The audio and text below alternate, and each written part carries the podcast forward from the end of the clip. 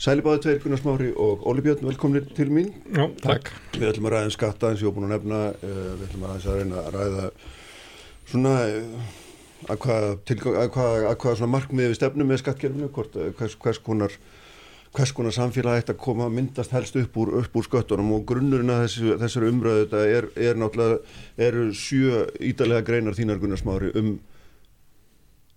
skattkerfið, hvernig hérna, hvers konar samfélag það býr til. Mm. og þú gaggrínir það skattkerfi sem við erum núna með mjög harkarlega mm. uh, segir það búið til ójöfnuð uh, Ég var mest í því, ég var reyna mest í að fjalla um skattabreitingar á nýfrálsvíkutíma Já, já, hygg, mm. hygg, hyggli hinn úr ríku og, og, og, og það er svona þín bjargkvæmsta trú er það ekki? Svo ég taki þessar sjögreina saman í örfa orð að þetta skattkerfi sé óreittlátt og það hyggli hinn úr ríku langt umfram, umfram Já, og breytingarna sem örðu á því voru Já. það að það voru lækkaði skattar á hinn ríku, ef við notum það hugdæk og hækkað á hérna, þá sem er launafólk, mm -hmm. sérstaklega þá sem voru með læri launum. Í einu, einu greinni tók ég dæmi að því að, að sá sem að var með á lægsta taksta dagslunar 1991, hann borgaði enga skatta og skattleysi smörkin voru 40% yfir lægstu launum Í dag borgar sá sem er á lægsturlunum umtalsverða skatta, minnir að segja um 55 krónur sem að borgar, mm -hmm. sem að uh, tekur. Mm -hmm. Og þó vita allir að það að vera á lægsturlunum sem er 368 krónur í dag,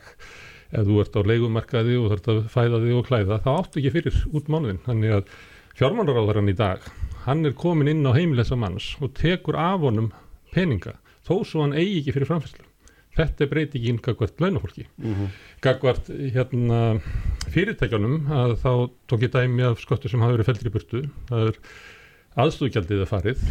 Eh, tekjuskattu fyrirtækja var fyrir eh, nýfrálsökju hér eins og viðaskvar annar staðar svona um 50% komið nýri 20% eignaskattar voru aflaðir bæðið á einstaklinga og fyrirtæki sem að veldur því að ef við tökum bara hagnað fyrirtækjana að þá e, fer miklu minna því í skatta sem er þá greiðsla fyrir þjónustu sem að fyrirtækið fær í samfélaginu. Að bæði verið að verja fyrirtækið með alls konar hætti. Það fær líka að menta starfsfólk það fær barnagjæslu fyrir starfsfólki sitt það fær alls konar þjónustu mm. á samfélaginu þannig að fyrirtækið borgar minna. Það veldur því að eigandunir á meira úr að spila og geta tekið meiri pening í arð. Og þetta heitir aukin arðsemi. Þannig að þú getur aukið arðsemi fyrirtækja með því að lækka skatta. Og þannig að, mm -hmm. að þá bara eikst arðsemi innvægna þess að þá hefur eigandi meira að taka. Já. hann tekur upp arð og það er búið að lækka það, það fyrir nýfrásíkuna var hérna arður skattlaður bara eins og aðra tekjur. Nú er arður skattlaður með 22% fór allir í 10% á tímambili eignaskattar hinn ríku, eða verið aflaðir eignaskattar voru þröskuldurinn á Íslandi var alltaf til dæla lár, það var svona 12,5 miljón á núverði, uh, efra þrepið um 30 miljónir.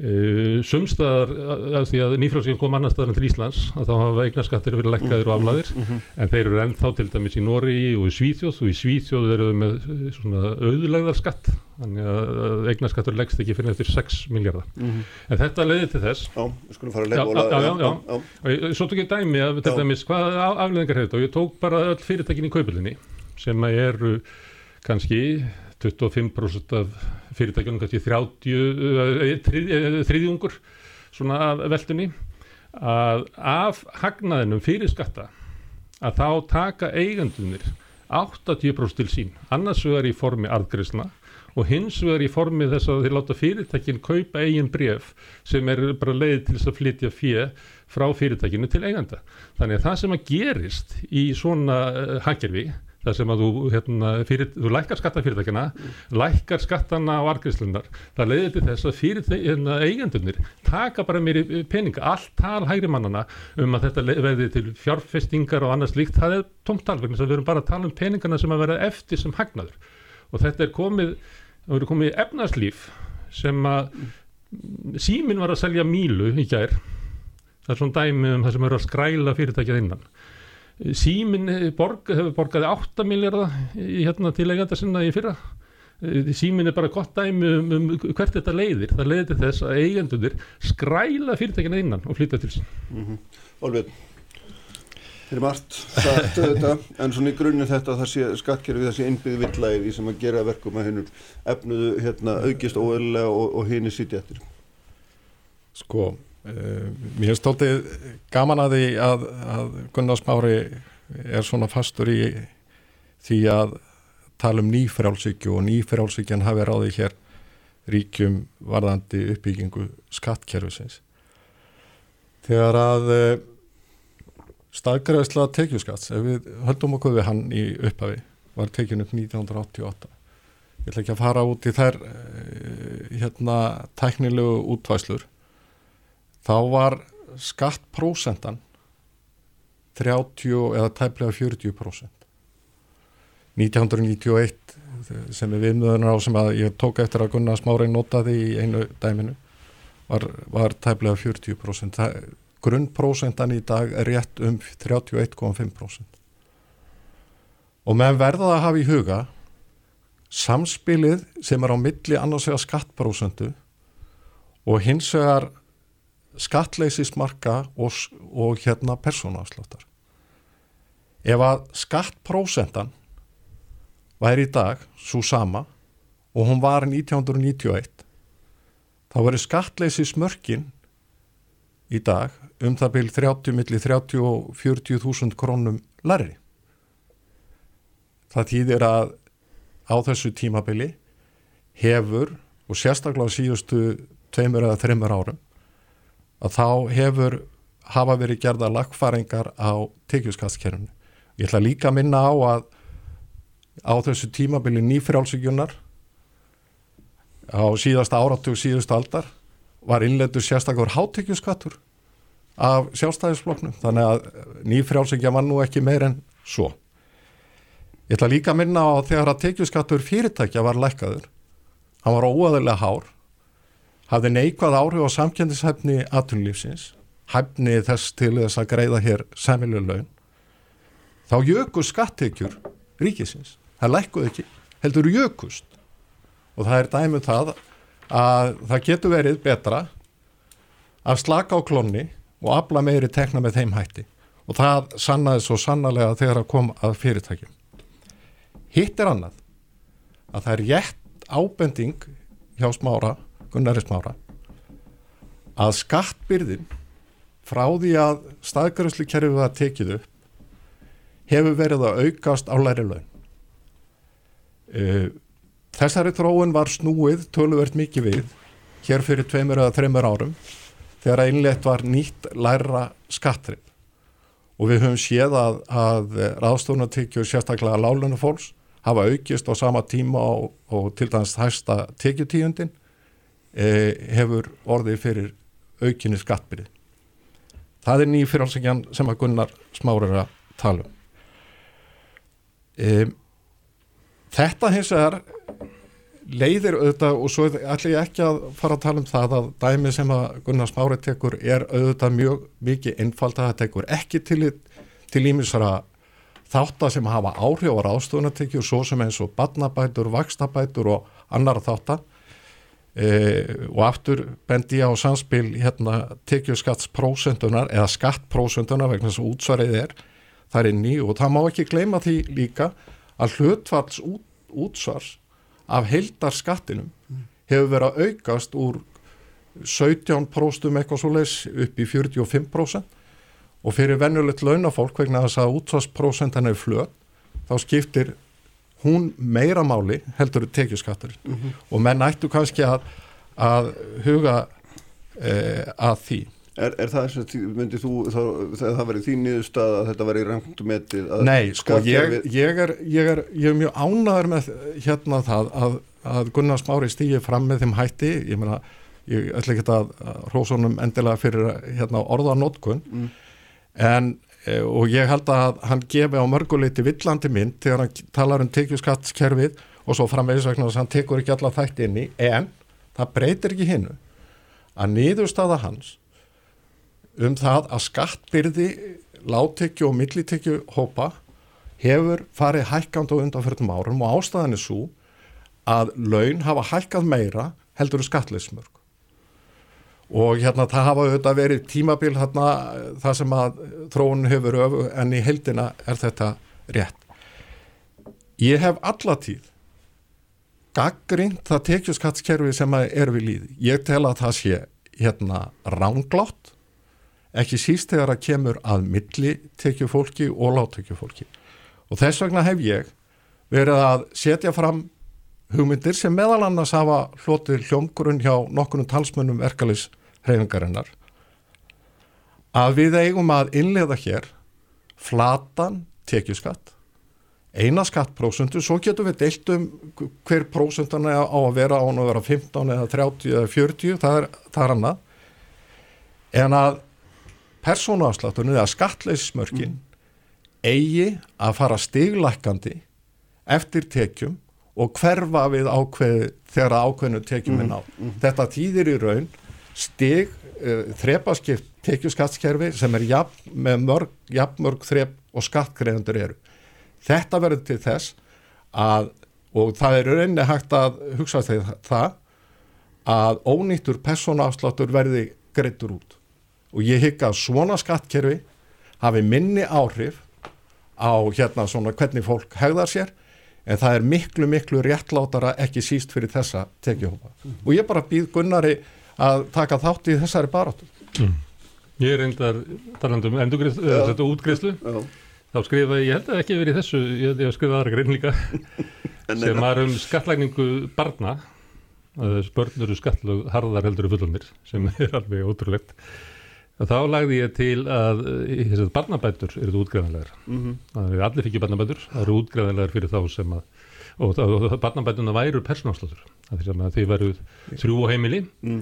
og eitt, eitt ykkar er barn, þá fengi það líka persónáslót, alveg sama hátt og og þú getur notað persónarslott magaðins að þú getur ja, notað persónarslott barnasinu. Þannig að það er bara að því að... Ég, ég, að, nei, ég, ég bara tek undir með smára. Ég hef einmitt hérna verið með einhverja sveipaðar humutir, ég hef sett aftur, ég menna við skulum veltaði fyrir hvort, hvort að persónarslottunum eigi að vera fullur eða ekki, en það er eðlert að færa þetta akkurat inn með þessum hættu, ég tek undir það Nei, að hérna þetta væri Barnabætunar eru veikar á Íslandi, það er bara Já sko, barnabætunar, helsta gaggrinnin hérna frá hérna, þeim sem eru vinstaramegin við miðju á alþingi hefur verið tekjutengi barnabóta. Já, ég, við hægri mennindir, við hægri mennindir nýfrálsíkju mennindir eins og sakar okkur um að vera höfum einmitt haldu okkur við það að það eigi að tekjutengja barnabætur þannig að þær komi fyrst og fremst þeim til góða sem lægstu launin hafa en ekki þeim tekju herri ah.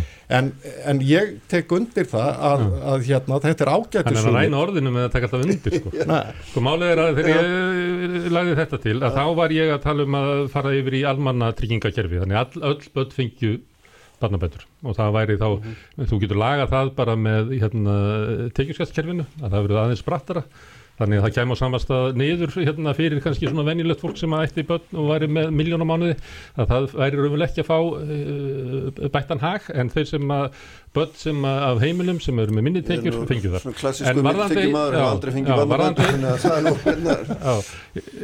Já, ég held að það er nefnilega hluti af breytinguna nýfrálsíkinni og tímanum að, að það var gert þannig að, að fólk sem hefur verið með miðlústekjur og kannski herri miðlústekjur að með allir þessari tekjutengingu þá upplifir það að það fá ekkert út úr skattkerfinu, ég er alltaf að borga skatt ég fæ ekkert tilbaka Það er þrepaskiptingin sem gerir það Gunnar, Það er með tekjutengingin sem gerir það. Þú færði ekki einu sinni, þú borgar sko skatta og þú borgar yðgjöld í lífyrirsjóðis og þegar þú kemst á eftirlaun mm. þá er þetta allt tekið af þér einhvern veginn. Þú fær aldrei barnabætur, þú fær ekki vakstabætur þú færði ekkert út úr samtryggingakerfi ríkisins.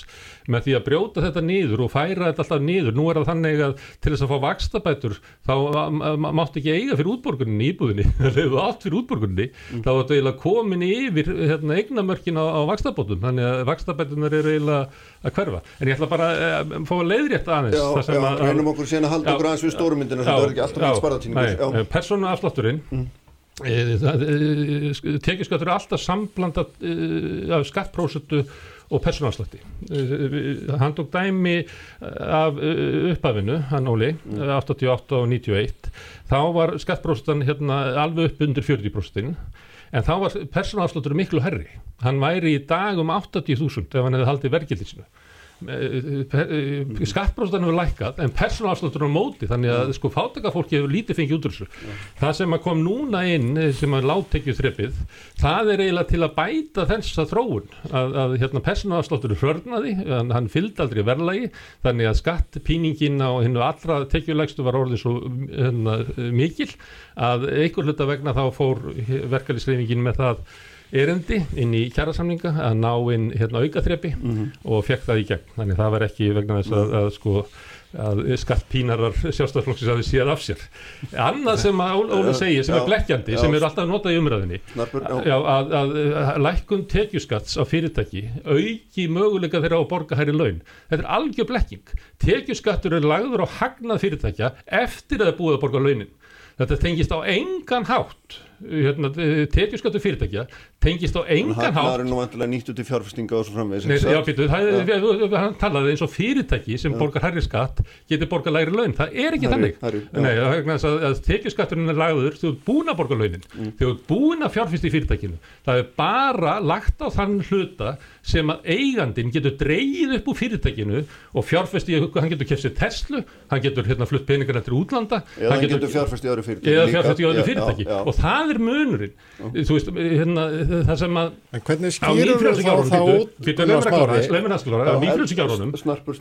á nýfrjóðsíkjárunum þá var sjónamiðið á eigandan að hann væri raunverulega fjárfyrstikar aflið og, og, og það er ekki það að tryggja það að fyrirtækin myndu vaksa og dafna. Og dæmið ástæðan fyrir, ég tók dæmið að við á þann hvernig peningar eru teknir út úr fyrirtækinum í kaupöllinni mm. til eigandana er til að benda á þetta. Þetta skattkerfi leiði til þess að það er drifið áfram að eigandunum takja sem mest út úr fyrirtækinum og það er ekki þjóðastlega hakvæmt, við fáum ekki betri fyrirtæki, við fáum verri fyrirtækjundur -hmm. Eh, eh, hérna, en Gunnar Smará ættir að skýra út af hverju það er þá þannig að eftir að menn lækkuðu tekjuskatt fyrirtækja mm.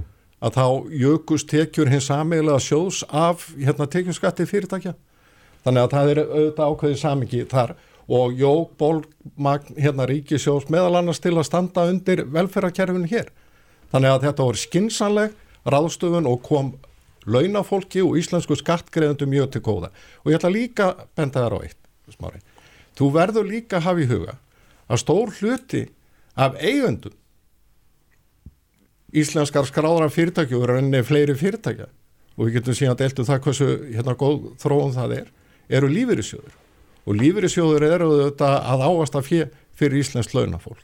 Og það er íslensk launafólk sem fær það. En það sem að hefur líka kjast og þú gleymir á þessum árum er að við höfum verið að hverfa við höfum verið að auka sem sagt vægi beitna skatta og, svo getum við deilt um það hvort að það er gott en minga vægi óbyndan skatta vörugjöld að vera afnuminn, tollar hafa verið feldið niður á stórun hlut og svo framvið og af hverju hefur þetta komið fyrst og fremst láluna fólki og millitekju fólki til góða? Jú, vegna þess að hlutvarslega fer starri hluti launa, ráðstöðunatekna fólks í neyslu heldur en hjá hálunum fólki þannig að hagur fólks hefur batnað, þú voru að taka þetta líka með í reikningin ef þú ætlar að gefa raunsanna mynd að þessari svo kallari ný frjálsíkja mm.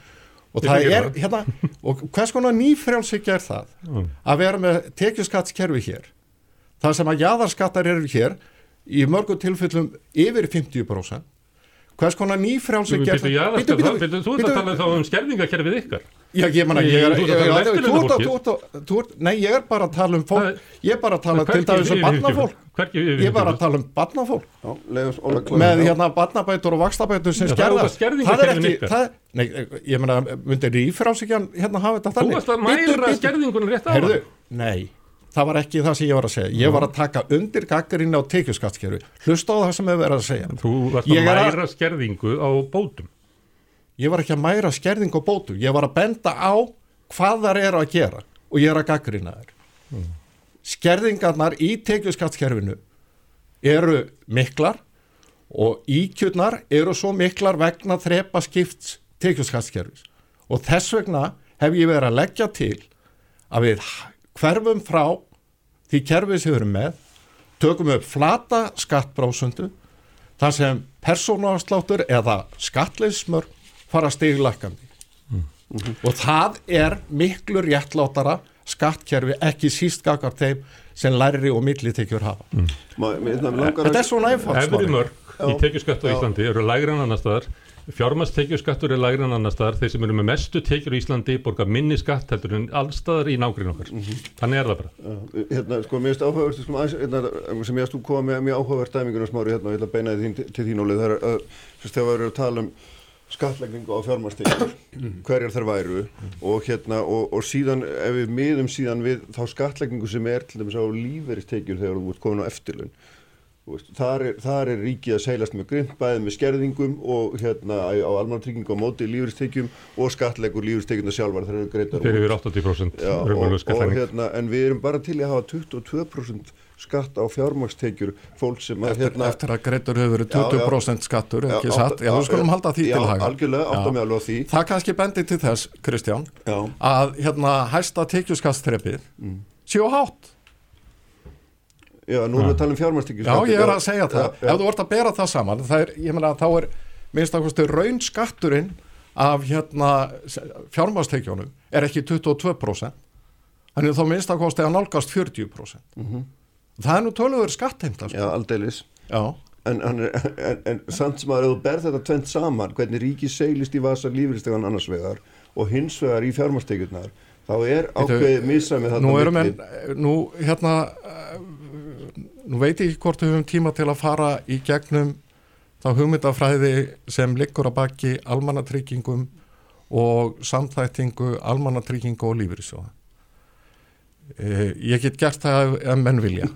Eh, sko, nei, ég vil að segja að það er alltaf verið að ruggla fólk hérna og, og, hérna og það getur verið erfitt og ég finn það sjálfur að það er stundum erfitt fyrir mig að, að skýra út hluti, kannski vegna þess að ég er ekki að ná utanum allt, ég skal Kannski við viðkynna slæman það. Nei, smáru minn, ég er nefnilega með betri mástað heldur þú Já. vegna þess að þín leið hefur alltaf valdið ósköpum Mm. og komið niður á láluna fólki og millitekju fólki sem hefur uppskorið minna eftir svona hérna, af, aðferðir sem að þú ætlar að reyna að beita og stað, staðrendin eru þetta svo að þetta svo kallaða ný frjálsvíkjuskeið hefur þó leittið þess að lífskjör hér allara, ekki síst láluna fólks, eru margfald betri heldur en þau voru 1991 Mm. Og við erum að stöðut og við mælust meðal bestu þjóða í heimi það er stóri dómurinn sem er feldur, ekki bara mér heldur af hérna alþjóðastofnunum sem eru óháðar Mm. og ég tek meira mark á þeim en þér með fullri virðingu kæri vinnur Já, herðu, sko e, þegar nýflössin kom þá var sagt, við skulum lækka skatt á einn ríku og það mun seitla niður og allir verða glæðir. og tekið upp hátöku skattur Besta leiðin til þess að meta svona er að skoða sko landsfjörnuslu Smári, nú segir hann, Óli bíddu. réttilega að það verið tikkin upp hátekjuskattur, það við rýmar ekki alveg við þína Já, það, þetta er auka þrepp í tekjuskattin Mhm. Já, veist, það er, hérna, lá, það er lægra heldur en nokkuð starf annars þar. Leið mér aðeins að hérna, það er tekin upp sem sagt eh, breytt skattkerfið. Það er flutt skattbyrði af hinnum ríku og flutt yfir á hérna, milli tekjufólk og látekjufólk og þetta á að auka hag samfélagsins. Það verður stærri kaka. Ef þú tekur nýfjölskyttíman frá 91 að þá er aukning á landsframslu mann minni en sambarlu tími þar á undan.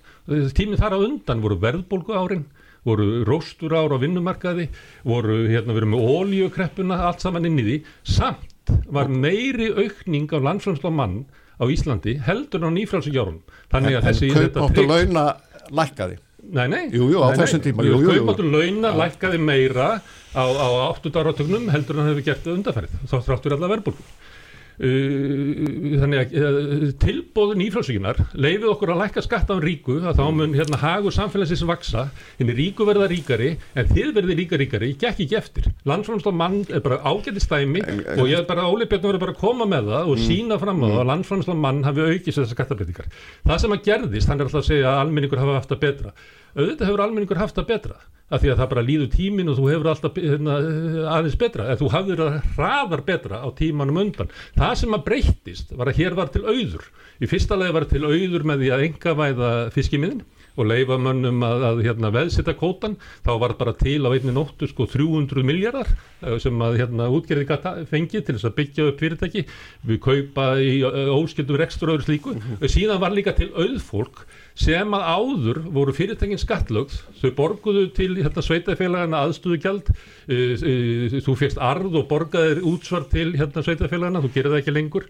Það var lækkaðir skattar á fyrirtækin það var lækkaðir skattar á, á, á hérna, fjármaseigandur Uh, þetta leiti til þess fólki sem á mikið pening í dag á Íslandi stæðsti hluti þessara peninga eru peningandi sem þau hefur losnað við að borgi skattana þannig að markmið nýfrálsökunar var alltaf að búa til auðfólk búa mm. til afl í samfélaginu sem geti keiftu fjölmjölana, geti haft áriðveitna og geti orðið bakjartur í sjálfstaflokksins sem að myndi hafa meira afl heldur verkaðisreifingin og samtök almennings Vandin er auðvitað að sá að það er auðvitað hérna það vandar fleira fólk sem er sæmilega vel stætt en ekki að fækka þeim eins og þú vil ég er nefnilega ólíkt hér smári, smári, ólíkt hér þá vil ég ekki hérna færa fólk niður heldur færa fólk upp Ég vil fara og það er nefnilega, nei það er ekki það sem þú ætlar nefnilega, þú ætlar að þú, nei, nei, nei, nei, ég var að benda á það smári, að þið, það var ekki skattlagt fórmálagstöðunum, þið byrjuðu að skattlagja það smári, niðurstaðan er þessi ekki þykjast vera smári,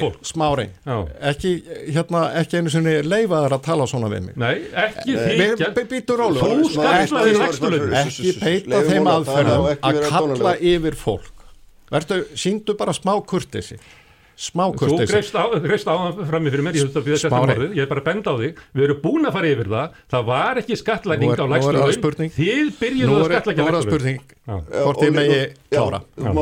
Nýðurstæðin er þessi, á seinast ári greittu þrjár efstu tekjutífundirnar 66% af öllum beinum sköttum.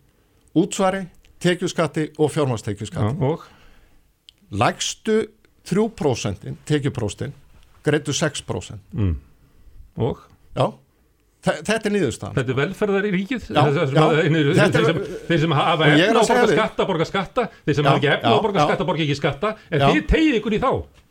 Þið takið skatta peningum af fólki Smá, sem á ekki efna á borga skatta. Smári.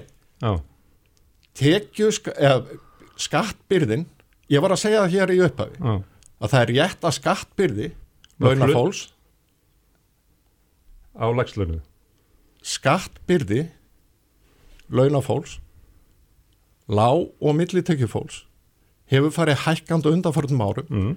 það hefur breyst á undanförnum 23 árum undir fórustu Bjarnabendissonar og nú er það þannig að enga síður er heildar skattbyrði launafólks á Íslandi töluvert lærri heldur en öðrum Norðurlöndum Það er niðurstaða nýjufrálsvíkjurna, kæri vinnur. Meðan annars vegna þess að fólk fær ekki barnabætur, fær ekki vaksnabætur, fær lítið fyrir skattum. Þú vilt, viltu afnema tekjutengingu barnabóta? Eða ætlar að koma Já. með mér í þá vegferða að innlega hér persónafslátt barna? Ég var að segja það að ég vildi að börn fengju persónafslátt eins og annað fólk. Já, og ekki tekju, nei. Nei. Nei, ok, það er merkilegt. Háttekju fólki fær þó barnabændur. En málið er það, málið er það málið að eins og hefur komið fram eins og Óli Björn hefur viðurkend að það sem hefur gerst á nýfrjóðskjárunum er að lægstlaunað fólki hafa byrjað að skatleggja það. Og það var gert til þess að var hægt að létta sköttum af hinnum hæstekjum Þetta, þetta er náttúrulega rámt Herri, bestu það ekki báðið tveir, ég held að þú komist ekki lengri bíli þetta var hérna fróðlegt Gott er að halda þó þessu fríði í þessu. Þetta er náttúrulega stærsta álitað máli í, í samtíman. Já, bestu þakkir, Olbjörn Gunnarsmári. Takk. Uppspretta frétta á Sprengisandi á Bilginni. Sæli hlustendur, uh, farnir saman Gunnarsmári, Eilsson og Olbjörn Kárasson. Hér er sestur hjá mig Sigur Ringi Jóhansson, innviðar á þeirra sæl og blessaður, æfinlega velkomin. Já, sælverði. Uh, Hérna, mér langar nú að tala við því tölverst um húsnæðismarkaðin og þetta, þessa miklu áallanir sem upp eru, en rétt á að við byrjum að því, hérna, að því að það stendur nú til loksins að, að leggja fram frumvarpum það að, að fjármastekjur uh, verði skatlaðar meðlans, eða þær fari inn í útsvætt til sveitafélagana og, og hérna, af hverju, sko, þú saði mér á þann að þú hefði eða spurtum þetta fyrir löngu, lagt þetta til, þetta er hérna búið að velkjast í þinginu í ára tíu, skilst mér, hvers vegna gengur þetta svona hægt?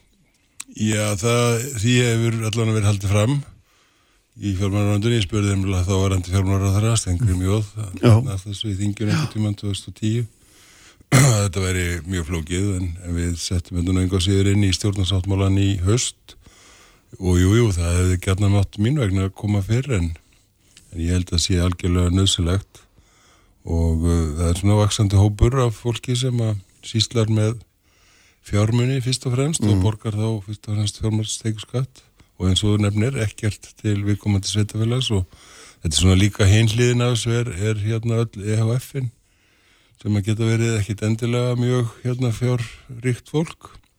En ég man bara eftir því að ég held ég var nú blandað þessari spurningu inn að hérna við stengrým á sinni tíma að maður sem á 100 kindur, 100 fjár, hann þarf að rekna sér endurgjald en sá sem á 100 miljónir eða 1000 miljónir og síslar með það fjö hann þarf ekki að rekna sér rekna endurgjald og ég held að það sé mjög nöðsulegt að finna einhverju leið á því, ég held að það sé sanngirnismál og, uh, og hérna þar með líka að tryggja sveitafélagunum uh, tekjur og ég held að þetta fólk myndi líka að líða betur að geta þá greitt til þess mm. samfélag sem það býr í eða ég trú því.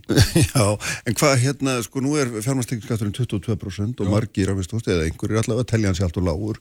Fórsitsráður en núverandi hefur meðal annars talað um það. Fjármannráður svaraði því hratt og vel, nei, það stendur ekki til að hækkan ég meina, hvað stendur þú, þú ert þarna milli þeirra.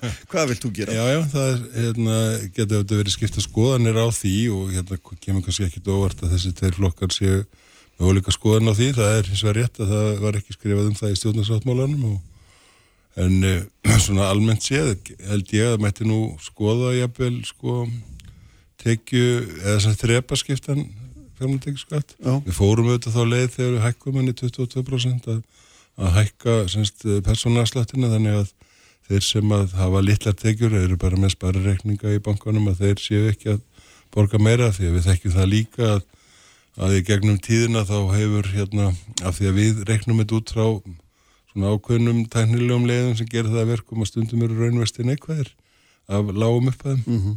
og það eru ekki sangjart að vera skatleikjað þannig Nei, nei. og þessi samaburður Norrlöndin er þar að leiðandi ekki heldur alveg sangjarnur vegna, þess að, að við, þar er öðruvísi gjaldstofn á, og hann, skatturinn herri en, en gjaldstofnin lægri. Já, en þetta er svona svolítið þringur að því að ég spyrði aftur, finnst þér hann eða vera herrin hann er? Um, ég held að hann sé ágætur eins og hann er, hvað Já. svona almenni, hann er að skila okkur 16 miljardum til dæmis meira í ár heldur en við höfum búist við, sem að er gott, um, en eins og er má alveg til sannsvegar færa að ef hann væri þrepaskiptur að þá væri hérna, þá væri mögulegja að þeir sem að hefðu meira, borguðu meira til ríkisins. En það var eins og En nefnir hinn leiðin, Já, sem það er já. borgið þá til sveitafélagsins, útsvar, ég held að það gæti þá komið upp móti.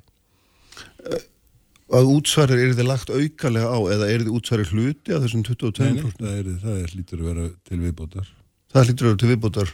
Er fjármálráð þannig búin að samþykja það heldur? Sjáum útvæsluna, hún kemur í vor Já, ég er nú spenntur að sjá hvort að hérna, og þingi, og þingi þar svo auðvitað fjallum þetta. já, já, sjálfsögðu. Nákvæmlega, en þetta er allavega áhugavert að þú, hérna, þér finnst það að vera svona, minnst þú fannst ekki útilokað að þessi, Nei, ég held þessi sannkýrnismál einfallega að, að hérna vaksandi hópur fólk sem að síslar með fyrir greiði til samfélagsins eðlilegt já. Hérna, tölum aðeins um, uh, við skulum aðeins hérna tala um, um upp, uppbyggingin á húsnæðismarkaðin, hún er líka mjög forvitnilega ekki síst í ljósið þess að þú nú lýsist því nú sjálfur í yfirlýsingu að hérna, ljósi verðbólgu og, og, og hérna, þess að það er þensla og vinnumarkaðurinn í þannig og, og, og Sælabankin er komin út með reglustíkuna og farin að slá puttan á okkur öllum þar með ríkisjóði og meðan stendur þú í pontu og segir ég ætla að byggja 35.000 íbúður á næstu 10 árum ég meina þarna er eitthvað sem ekki alveg rýmar saman eftir því sem Nei, ég best að séð. þetta er svolítið. Að, hérna, því þú ert að gera fullt af öðrum hlutum líka í, Ég, já, erum, sem, eða sem innverðar á þeirra við, við, erum sem sagt í raun og veru að segja vegna ásins 23 að þá þurfum við að slá á þensluna og það gæti þó auðvitað verið hluti af því að byggja minna. En við erum að reyna að draga úr sem sagt öðrum byggingafrangandum öðrum samgöngufrangandum, öðrum innviðafrangandum en engungu á árunni 23 til þess að reyna að ná verðbólgunni niður. Því einn vandin við skortin á húsnæðismarkaðnum er að hann ítir undir verðbólgu. Þannig að við þurfum einfallega meira frambóð af húsnæði þannig að við þurfum svolítið að ef maður segja bara sortera hvar við erum að setja inn kraftin Mhm. og, og hérna við erum að reyna að setja hann inn á húsnæðismarkaðin ekki bara til eins ás heldur svo til margar ára hérna, eftir það og þetta er talsar áskorun, það er alveg rétt og hérna þetta hljómar svona fyrst svolítið svona eins og við séum að færi sér áttina en það er það ekki ef við náum að spila þessu saman uh, og ég held að það sé að takast með svona samstiltu átaki allra en það kallar líka á það. En eftir sem ég síndist í hérna fjárlegunum þá er sko stærsti, stærsta fresturinn er, er bygging uh, við hérna stjórnaráði sem kallið er, þar að segja fórsettröndið upp á 850 miljónir. Það hljóma líka... nú ekki íkja mikið sko. Nei, en það er senkun líka, eða sem sagt, og það er nú bara því við náum ekki byggja hraðar gegnum, gegnum hérna uppbygginguna á, á landsbítalanum, þannig að nú menna ekki verið að tala um þessi samdráttur á spítalan það er náttúrulega bara mískilningur það er, það er fyrst og fremst á fjárfestingaliðinni. Mm -hmm. það er vöxtur, það er raunvöxtur í, í hérna, þjónustunni á spítalanum og, og hérna en ekki samdráttunum kemur þó fram í, í Þannig að við erum að hægja á uppbyggingu þessar nýja spítalans eða hvað? Við erum ekki að hægja á því sko raunverulega við erum bara að vegna þess að menn hafa bara ekki ráði við hennar það það, það er búið að vera nóg fjármagn öll undarfærin ár Já. en það hefur ekki verið nýtt Þannig að við erum bara viðurkenna það með því að taka þá fjármunni og segja þessir peningar mm. verði ekki nýttir. En þetta er mjög áhugavert vegna þess að það eru, þú veist það líka að það eru svona efasamdarættir við það um það að við ráðum við allt, all þessi stóru áform, það er ekki Já. mannskapur, það er ekki fyrirtæki og það er bara ekki afkast að geta í landinu til að gera þetta allt saman. Svo erum við ekki að blása þá til sko frekari sóknar á ymsum sviðum mm. á þessum sama tíma þannig að það eru þetta sandráttu líka en sko bara uppbyggingin á landsbytalunum er hildið 13,4 miljardar næsta ári sko, það eru þetta, þetta verulegi fjármennir og, og menn þurfa held ég að standa sér bísna vel til þess að reyna En eru þið ekki að lofa upp í erminna á ykkur með því að hérna að bóða sífælt þessi átökunan gæðsalappa uppbyggingar átök vegna þess að ég ljósi þess að byggingamarkaðurinn er bara gríðalega þannig það vantar fólk í flest störf. Og vantar yðnaðamenn út um allt hérna, ef, ef maður bara leggur þetta allt saman þá segir maður byrju það vantar einhverju raunveruleika tengingu Já, ef þetta veri átök til einstakja ára mm -hmm. og við verum bara eitthvað með svona til þess að reyna að spila inn í eitthvað sem við vissum ekki þá myndum við húsalega halda áfram í þessum hérna, rússipanna mhm. -huh. eins og við hefum svolítið gert á undarferðum árum eða undarferðum áratugum en ástæðan er svo að við hefum bara vitað ofur lítið og núna á síðustu árum erum við búin að vera að byggja undir það búa til svo kallar mannvirkjaskrá búa til húsnaðis á allir sveitafélaga gera þær stafrænar færa fastegnaskrána yfir til HMS samina skipilagsmál og húsnæðismál í einu ráðuneytir, reyna að fá semst, þess að heldar yfir sín, uh, gera þetta ferli skilvirkara, uh, þannig að það sé ekki þessir flöskuhálsar sem hafa komið upp, hvort það er skortur á lóðum eða uh, of hæg afgreðsla á skipilögum þar sem að vantar húsnæði, mm. svo er kannski annars það er nót til af lóðum þar sem ekki er verið að byggja. Og ekki sama þörfinn Þannig að við erum ekki í, þó að þetta heiti áttak núna, þá erum við að horfa hér til langs tíma og afræksturinn að þessari vinnu verður meðal annars á að það kemur húsnaði stefna ríkisins inn á þing í, á þinginni vetur undir vor, mars sennilega. Og uh, hún horfir til 15 ára og hlut af þessari hérna, þessum áallinum að byggja 4000 íbúðir á næstu á ári í fimm ár, þessi að 20.000 á fimm árum og síðan 15.000 á næstu fimm árum þar og eftir. Hún byggir á raunverulegum upplýsingum og skilabóðin eru inn í framtíðina. Þannig að verktakarnir, verktakafyrirtækin þau geta vaksið inn í framtíðina, haldið áfram ekki verið svona svo harmonikur heldur haldið áfram að vaksa og ég held að það séu skilabóð sem, sem okkur hefur skort. Þetta sama gerðum við á síðasta kjörtíðarbili gagvart samgöngumálunum. Og svo við, við ætlum að viðhalda hérna herra framkvæmdast í eldur við hefum síðan núna síðast lindi í ár þurftum við að gera það.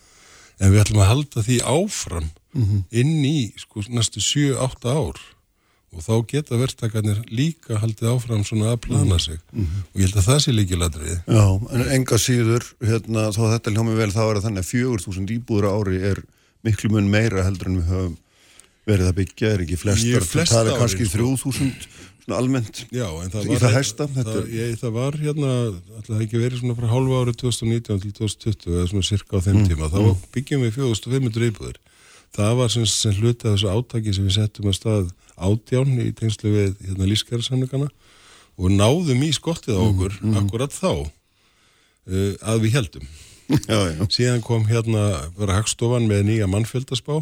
Þá var hún bara talsvert, talsvert sko bólnari heldur en svo sem hefði verið undan. Um, það gerist líka eitthvað hérna fleira Jú, á jú. markaðum auðvitað lekkuðu vextir og, og hérna en líka það að, að þeir sem að höfðu fjármunni virtust helst sjá fyrir sér að festa peningana í, í íbúðum en ekki en ekki annað. Og svo kom COVID þannig að það fór bara hérna allt á hliðina aftur. Og þess vegna erum við að horfa á, á að gera þetta með betri hætti. Þar að segja fórum notum tíman frá átján í átt okkur á því að við hefðum bara ekki þessar upplýsingar. Og hérna er búið að leggja bara mikla vinnu og HMS hefur staðið sér gríðarlega vel í því og stjórnvöld að sapna upp þessum upplýsingum búa til nýja grunna til þess að við getum sko mónitora þetta dag frá degi. Það er reyndar búið að vera, sko, búið að vera þannig og verður nú held ég líklega svona síðasta þá er sko samtöku einari sem hafa sendt, sendt fólk út af örkinu og, Já, og, og talið bara Tali krana og... talið krana og hús og já, það er, já. það er bestu upplýsingar sem við höfum haft. Já, já, En það núna- voru það lengi vel. En núna erum við að fá sem sagt, eh, sem sagt, raun upplýsingar í gegnum mannverkaskrona, í gegnum stafrænar húsnæðisáallanir sem eru ekki skýslur sem eru settar upp í hillu, heldur eru bara uppferðar reglulega. Og þess vegna er til dæmis HMS nú þegar komin með möguleika á að gefa út þessar mánarlegu uh, húsnæðiskýslur og þar hafa núna síðustu tveir mánuðir verið mjög jákvæðir að sína okkur að við erum strax einhverjar hluta vegna, hvort sem það er vegna hérna, breyttra væntinga. E, auðvitað vegna hérna, yngripa selabankans þá erum við nú þegar farin að sjá talsverðan árangur á markaðan. Já, já, við erum farin að sjá að hérna, eins og Sælabankstjóri orðaði hérna fyrir, hjá mér fyrir skemmstu að vaksta vopni það býtur svo sannarlega Já, það að það er bara hund sárt líka fyrir mikrúta fólki sko. Já, það er það og en, en semst á, á móti að þegar við vorum allflest og stappin á lánum voru verðri lán til 40 ára þessi Íslands lán sem að við höfum um, lengi tala fyrir að séu, séu vandraða lán þó að þau geti hjálpa tímabundi til að lekka húsnæðisbyrðina. Bara eina leiðin fyrir fátækasta Já, þá fólki til að komast inn á bara- þá markaðin lendur bara í gildru.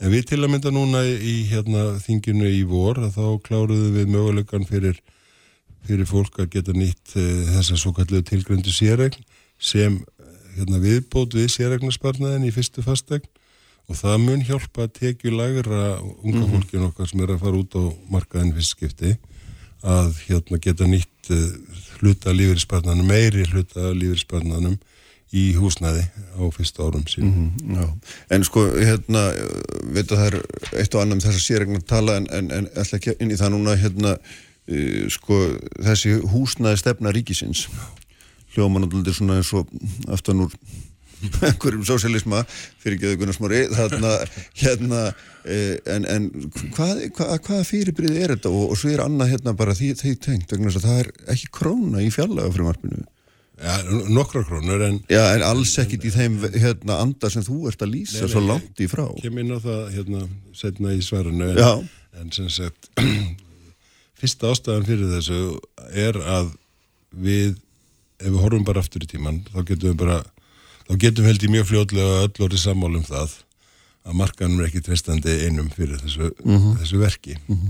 Og staðrendin er að frá þessum 2018 átaki þegar við erum komin inn að það er búið að byggja 3100 sko íbúður fyrir á hagkvæmi verði legu, legu íbúður á þessum tíma uh, hlutildalán og fleiri slíkar leiðir sem við höfum verið að beita að þá varum, var sko orðið þannig að eitt þriði ef ég mann rétt cirka af íbúðunum var að fara til fyrstu kaupanda mm.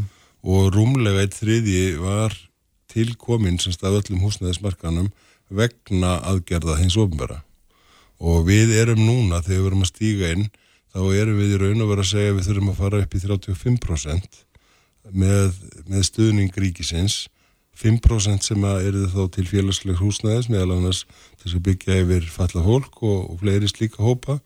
En 30% sem að myndi þá vera eh, byggð með einhvers konar stuðningi ríkisins hvort sem eru stoppframlög til almennar íbúða, hluteldarlán eða, einhverja, eða einhverjum öðrum hætti. Og það er það sem við erum að núna að tala við sveitafélaginum uh, nú skulum við fara saman í verkefnið og við skulum bara segja við markaðin hér er nægilega mikið að lóðum.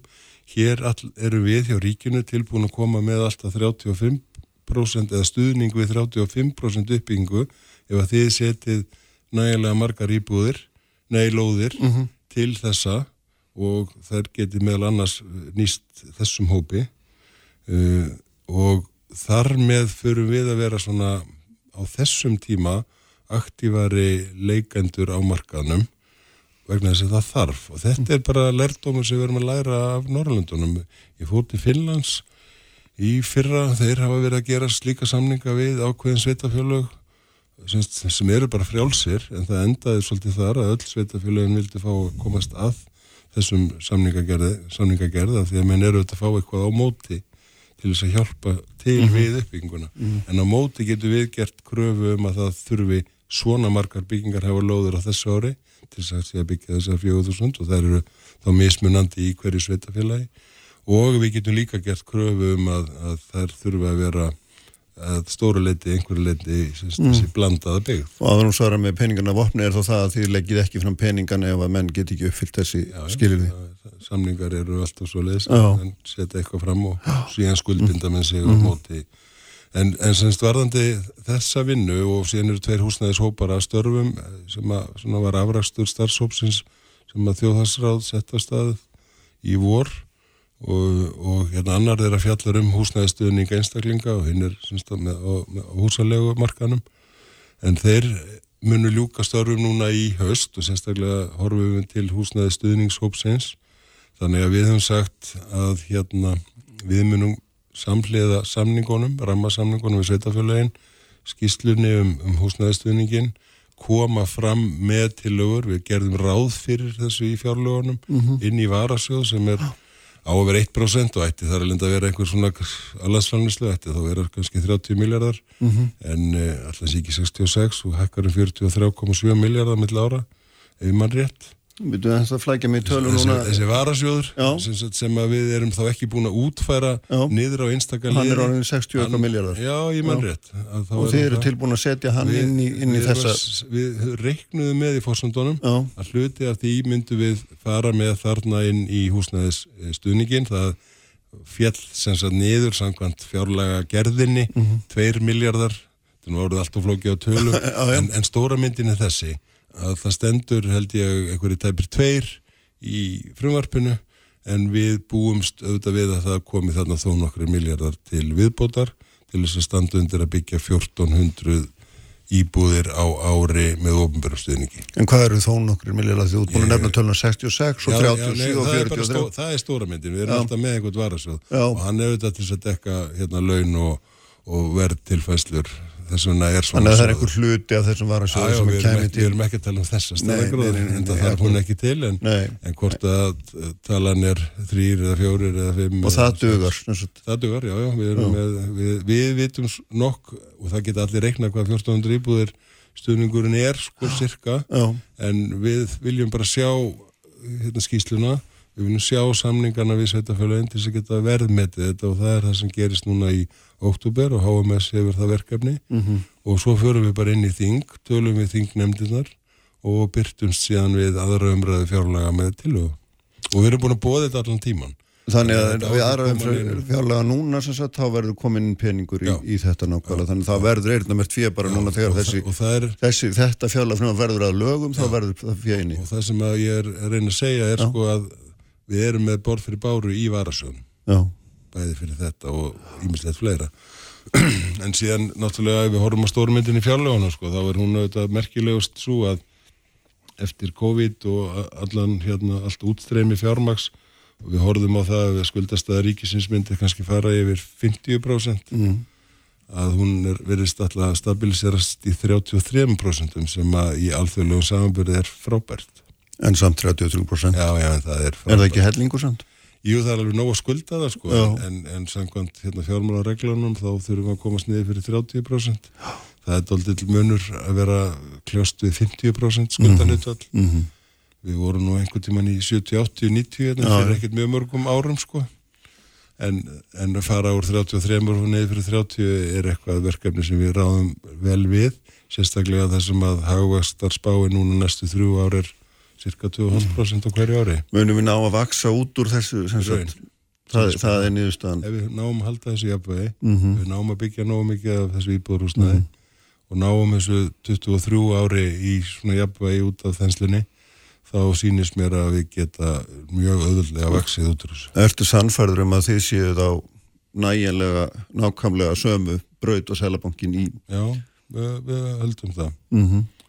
Auðvitað geta minn alltaf gert kröfum að við ættum að fara hraðar niður í þenslunni Já, en þá held ég að við myndum líka sitja uppi með að það við værum með hópa í samfélaginu sem við getum ekki sint nægilega vel. Já, það er náttúrulega það er óhjákvæmlega Þannig þess að takmarka hér þetta, þetta er oft sko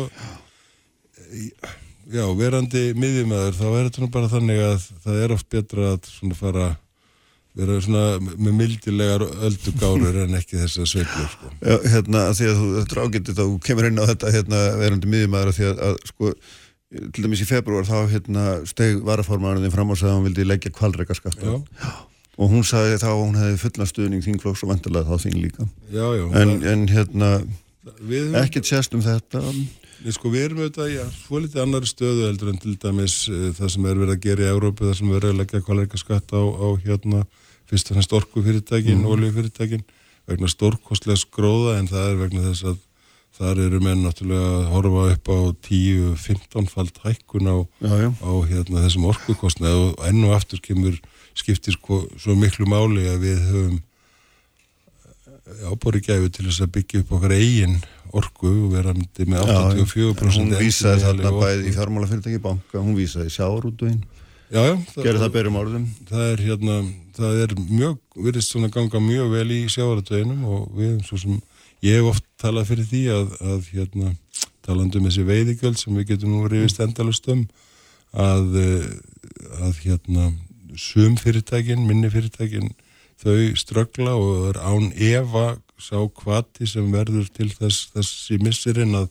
samfélagþjöppunin gengur hraðar, sko án efa. Eh, þegar að við erum komin þangað þá held ég að það sé náttúrulega bara vaksandi og sannkirni og þristingur á að, að hérna, þeir sem að sitja þá með stærri hlut greiði meira. Mm. það gæti til dæmis gerst með, með þrepaskiptum hérna tekjuskatti fyrirtækja. Og það myndi þá gilda bæði um sjáurtusfyrirtæki, fjármálafyrirtæki orkufyrirtæki eða hver önnur þau sem að, sem að hérna hagnast umfram það sem að sem að já sangjast er erfitt orð já, einmitt, að því þú dálítið hérna einhvern flókið. tíman í þessum þætti nákvæmlega sko um, kvótakerfi að það hefði svo sannlega ekki verið til þess stofna til þess að gera örfára fjölskyldur ég held sé nánast orðrétt þetta er haft sko. Já, ég held að það sé bara satt og ég stend alveg við það. já, en En svona- hvað ætlar að gera í góðum það er nú spurningin sko, sko, að þetta er erum- orðið staðreynd. Við erum svolítið þarna akkurat búin að sigla einhverja leið þar sem við höfum sagt að það skiptir máli fjölbreytileikin sjáurútvi og uh, fyrir vikið hefur ekki verið hægt að ganga uh, svo hart gagvart mörgum af minni fyrirtækjanum af því að þá hefðu þau bara ekki þóla þann rekstur. Mhm. og nú erum við kannski bara að sjá að það er að gerast þrátt fyrir að veðgjöldin séu ekki hærri en þau eru. En þau eru samt sko í reikni í formúlunni 33% af hagnaði sem fer þar inn þannig að það er bísna há prósenta. eh, kannski hefði verið gálir að hafa hana lagri Mhm. og hafa bara hátt tekjuskattsþrepp á þá sem hagnast meira og þannig hérna, búa til sanngjarnari gjald fyrir fyrirtækin að greiða og án efa meiri tekjur fyrir samfélagi sem er líka sanngjarn. en, en sko það er, það er hérna það er þetta þannig núna að sko eigandur sem eru að þessar stærstu sjávarútsfyrirtækja er að greiða sjálfum sér herri eða fá herri fjármakstekjur heldur en öll samanlega veiðgjöldin fyrirtækina þeirra og það er eitthvað svona, nú veit ég hvort þetta er þetta að bera þetta saman sem sambarilega stærðir en þarna er eitthvað sem að bendi mann á þarna sé nú kannski full ódýrt að sækja þessi sameilu með okkar. Já, sko, aftur, það, það fyrir eftir því á hvaða fyrirtækið er. Og það, það er vandinn sem við held ég glýmum við og ég held að hérna, þó svo við hefum gert margt ágætt í að gera þessi veðugjöld uh, svona réttlátari og eðlilegri að þá hérna hefði kannski verið betra að vera að horfa bara á, á að þetta sé ekki einhvers konar renta fyrir aðgang eða gjald fyrir aðgang heldur raun og veru uh, sem sagt Þú veist bara að segja þetta er verið skattur að hluta til ég held að þurfa Bara hvort- tekið tengur ég, held- skattur. ég held að þurfa að vera hvort tvekja það er það sem ég segja eitthvað grunngjald fyrir þessa sem þú kaupir þér aðgangin og svo borgaru bara tekjutengdan skatt. Ég held að. Hvað merkir það þegar það fara með að franskónum segir ég held að er þetta það staðar í einhverju ferla því ég held að sé, ég veit ekki hvað eru margir í þessari sjárútsnefn nýjustu matalarnar, ekki 50-60 manns. Meina, er þetta eitthvað sem á að ræða þar eða hvernig? Já, ég myndi allavega að senda þau skilaböðinu eða hóp. Já, en er þetta eitthvað á dagskrá? Eða, eða, Já, þetta er held ég algjörlega á dagskrá í samfélaginu og ég held að það muni En í ríkistjórnum ekki, ekki, ekki líða langu tími, já eins og ég segi Að ítarlega síðastlið höst við stjórnarmyndunar við ræðina. Það er hérna svona kannski eftir að sko, eftir að uh, við fórum að hérna, allar, allar, allra heila skipilegi fjármálun okkar betur íslendingar og fórum að gera fjármála áallanir til langstíma þá er, þá er hérna þá er fjárlega frumvarpi sjálft ekki svona gríðarlega pólitísk tíðind eins og það var alltaf hér áður þegar Nei. í því fólst einhver afgjörandi stefnumörkun, nú er þetta svona langtíma mallarldi en, en sko þarna eitt af því sem að veku náttúrulega aðtikli núna ég ætlaði að spyrja það eins um er, er sko eru hérna ramaspílarnir af því að við erum á þessari hröðu leið að breyta okkur í ramarsamfélag, það er það sem við viljum. Svo komið þið og setna að segja nei, heyrður, nú skulum við fara að ekka bifriðagjöldin á þessar bifriðar sem að er að skila mest úrst í minnilósun heldur en hinnar og, og staðrendir svo að, að samgöngur eða, eða umferð í samgöngum er einna stærsti lósunavaldunum sem við höfum eitthvað vald á sjálf. Þannig að þarna finnst manni sko, skilabúðin vera misvísandi. Já, ég, ég get útskilt það held ég að, að þau séu nú ekki eins misvísandi eins og menn hérna, vilja vera að láta þessa dagana. Sko, staðrindin er svo að um, við gerðum, höfum gert vel undanfærin ár með því að vera ekki að hækka þessa krónutöluhækkanir nákvæmlega við bara, við stundum hefur verið 0, stundum hefur 1%, stundum 2 alveg óháð því hvort að verðbólgan sé 2,5 eða 3 mm -hmm. fyrir vikið hafa þessar það er næsta taling um, uh, byrjaðagjöldin og, og, og, og elsneitisgjöld og allt þetta. Fyrir vikið hefur þessi stofn uh, lækkað. Þannig að á fyrstu 10 árum sérstaklega fyrstu 8 árum þessar aldar þá voru um 2,5% af landsframleyslu að koma af gjöldum af bílum og notkun þeirra. Í dag er sútala orðin 1,1 2%. Mm -hmm. Með öðrum orðum, eh, bifrið eigandur í dag borga miklu, miklu lagra fyrir notkun og kaup og bílum hlutvarslega, hlutvarslega heldur en menn gerðu hérna í upphæfi aldarinnar. Eh, núna þegar við erum síðan komin með til þess að gera nokkuð stóran hóp af nýjorkubílum, alla ramaspílum mm -hmm. sem eh, borga ekki verið skatt, ekki, ekki vörugjöld og borga heldur ekki elsneiti skjöld og, og hérna lábyrðagöld þá borga þessi bílar ekki neitt til samfélagsins fyrir að akka um gödunar þó þeir eyði hérna, mm -hmm. slíti þeim alveg jafn mikið og hinnir. Mm -hmm. Við erum að taka fyrsta skrefið í því að skipta hér um kerfi, að fara út úr elsneitisgöldunum uh, bensín og dísel, þannig að þau munur lækka og kannski hverfa bara alveg en á móti munum við fara að taka upp einhvers konar notkunagjöld og ein leið til þess er að gera það sem er verið að gera núna að setja einn lámaskjald að hækka byrjaðagjaldi örlítið mm. uh, og hérna og eins uh, vörugjöld en þetta er eftir sem áður mjög mikill kvati að kaupa sér ramarspil þannig mm. við erum að passa auðvitað upp á þennan kvata að halda áfram en við erum að fara í þessi skipti Um, og af hverju eru við að þessu? Jú, það er vegna að það kostar alveg gríðilega mikið að byggja hér upp uh, samgangukerfið á Íslandi. Mm -hmm. Er það sann sjálfstætt markmið að byrja að endur borgi aftur þessi tvö, hvað þú nefndir, prósent? Nei, hérna... í, í hérna fjárlagafröðumarfinu er við að tala um, um hérna 1,7. Mm -hmm. Og er það einhver tala sem ætla að halda ykkur við að hún að fara stig hækkandi bara? Nei, það er Nei. svona verið að horfa til hennar að hérna, hún er þá umtalsast lagri heldur en á á fyrstu 8 árum þessar aldar mm -hmm. Sko verulega. Þannig að um, ég held að þetta sé á, alveg áhuga og peningarnir í samgöngunar er þá bara að koma úr almennum framlegu ríkisjós já, já. þau, þau gera það náttúrulega í dag við erum ekki eina markaða tekjur en, en sem sagt svona ef við fyrum að bera þessa saman þessa, þessa stærðir.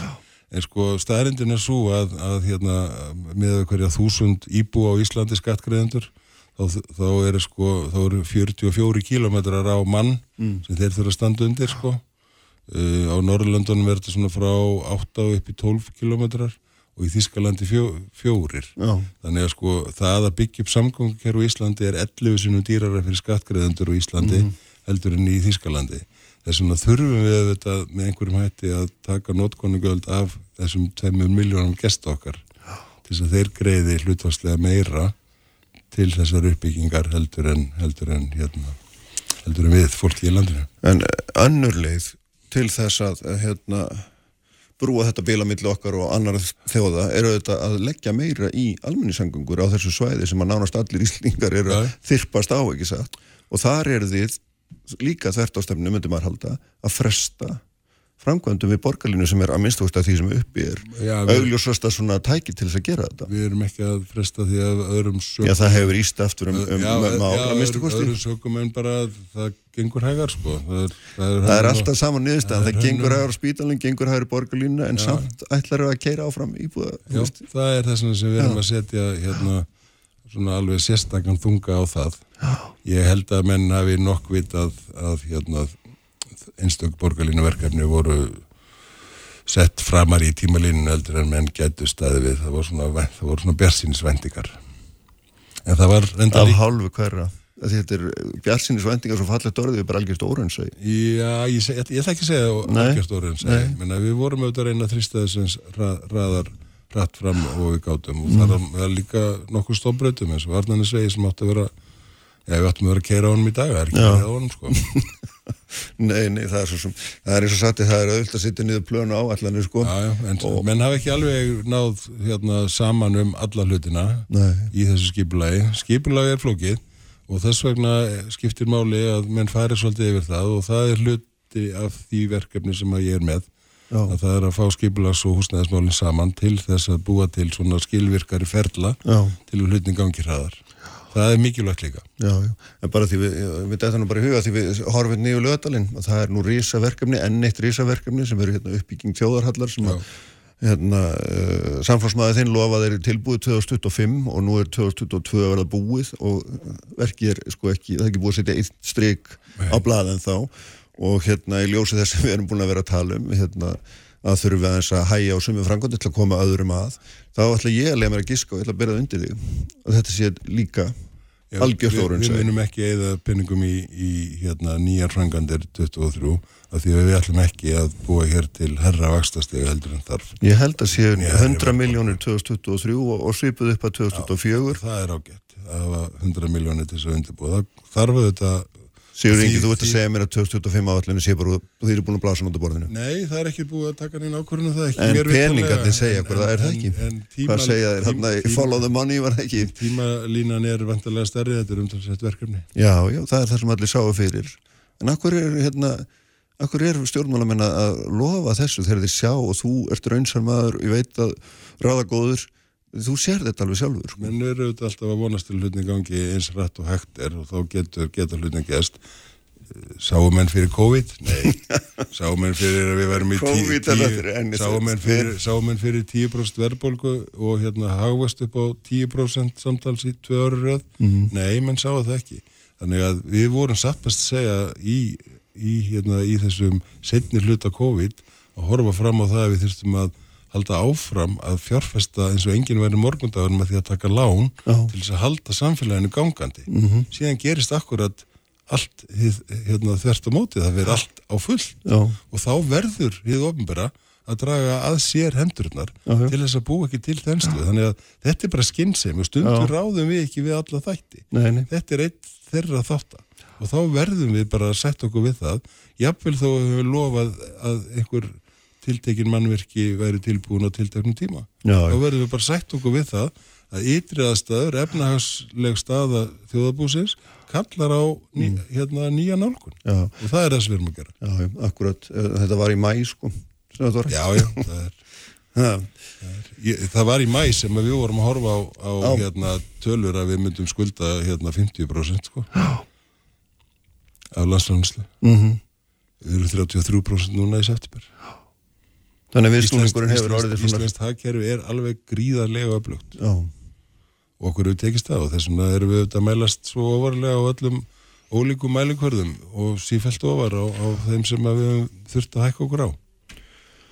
Nákvæmlega. Herði, ég ætla að segja aðminu á þetta refninu. Þú erum búið langt og ítalit og hérna væri svo gaman að fara yfir svo margt annað með þér og við gerum það hérna við... Gerum það setna? Setna, gerum það annað og takk fyrir að koma. Auður Önni Magnúsdóttir er hérna hjá mér eftir regnablík og svo þurriður Harpa, Sigurðardóttir. Sprengisandur. Alla sunnudaga á bylgjunni. Bjart og brósandi. Þetta er bylgjan. Sprengisandur. Á bylgjunni alla sunnundasmórna. Sælir afturlustundur, Sigur Ingi Jóhansson farin frá mér, uh, þurriður Harpa, Sigurðardóttir sem er formadur öryggjabandalarsverði hérna í lokþáttar en sæstir hjá mig núna Auður Önnu Magnúsdóttir sem er sem er þetta frangandi stjóri landverðar og svo sem hérna Marksins áður komið til mín góðu gestu þegar við ræðum um lofslags og umhverfismál, sælu blessuð, velkomin. Takk. eh, Samkvæmt bráðabila útreikningum umhverfistofnunar þá jógst losum gróðursaloftegund á Íslandi um 3% millir áruna 2020 og 2021 og þetta eru bráðabila útreikningar en samt sem áður sagt í lok hérna, eða niðurstöðu kabla að þessu konu með það góð gögn að það sé nú ólíklegt að verði mikla breytingar á niðurstöðunum þrátt fyrir að, að hérna, þetta sé semst, ekki alveg full klárað sko og maður sér að svona þeir sem hafa mestan á hólástasmálum og, og fílingu eru fyrir miklum ámbröðum Ertu í þeim hópi? Fannst þetta komið þetta óvart? Mm. Nei, kannski ekki, eða hvað? Já, mér, mér ég er svolítið hissað því að fólk sem hefur að skoða á lofslagsmál eh, að þetta hefur komið þeim á óvart Mm -hmm. eh, því að eh, það eru svo lítið á raunverulegum aðgerðum í gangi það er svona eins og kom fram í aðgerðar allir ríkistjórnarinnar í lofslagsmálum 2020 það var gert ráð fyrir mjög miklum samdrætti sem áttu bara að gerast sjálfkrafa eh, ekki vera vegna aðgerða. Og eh, ef að þú ert að reyna að breyta einhverju og bara vonast til þess að breytist og ætlast til þess að breytist og gerist sjálfkrafa þá náttúrulega gerist yfirleitt ekki neitt. Það er ekki nóg að vona bara, það verða líka að vera aðgerðir. Þannig að vissuleiti kemur þetta ekki óvart að, en við byggum við COVID-takmarkanir uh, eiginlega allt árið 2021 og þess vegna hefði maður kannski búist við að, að tölunar yrðu svona nokkurnu einn þar sömu og 2020 að yrði allavega ekki aukning Mm -hmm. e, og þetta bendir þá til þess að fyrir 2022 séum við að fara að sjá mjög miklu aukningu. Já, af því að nú er allt komið á fullt Já. og þannig að þessara svona þessar samdráttar svona en að gæslepa Já. nýtur ekki við þessum skilningi Nei, nei. Nei. En það eru náttúrulega stóru losana þættirnir sem eru stóriðan og fiskiskipin, stóru innaðnir sem að virðast hafa hérna frekar aukið í e, þrátt fyrir COVID, frekar hann að draga úr. E, og það er ekkit í kortunum sem að sýnir að það sé að fara að dragast neitt saman á næsta, eða á þessu ári. Nei, það er einhverja svona hérna, það virðist vera í flestum geirum sem verður að mæla þá er raun aukning Já, svona ef við horfum kannski, reynum að vera pínu glöð, Já. sko, að þá er uh, samdráttur í losun frá fólksbílum. Já, Þó það sé tölverð aukning uh, í uh, vegasamgöngum í heild, þá er samdráttur frá fólksbílum. Og það gæti verið fjölkun ramagsbíla sem, að- sem Mhm. að veldur því. Það er náttúrulega mjög umdelt og dýraðgerð sem að á svona einhverju leita fara að fasa út. En gæ, það gæti verið það sem er að, að sem er að skila árangur mm, mm, mm. En er svona sko veist, það sem er vekur aðtekli sko til dæmis eins og það sem hefur náð góðum árangur held ég sé nú alveg ótrúið til dæmis eins og fiskskipin það hefur verið góður árangur í uh, mörg undarfærin ár. En það er núna líka að snúast við og mér skilst að það sé allavega tiltekið þess að skýslu það sé vegna aukina loðnu við það en það sýnir okkur auðvitað bara það að aukinum svif þau skila sér alltaf í auknum útblæstri. Þannig, þannig líkur þessi jafnægi fallega.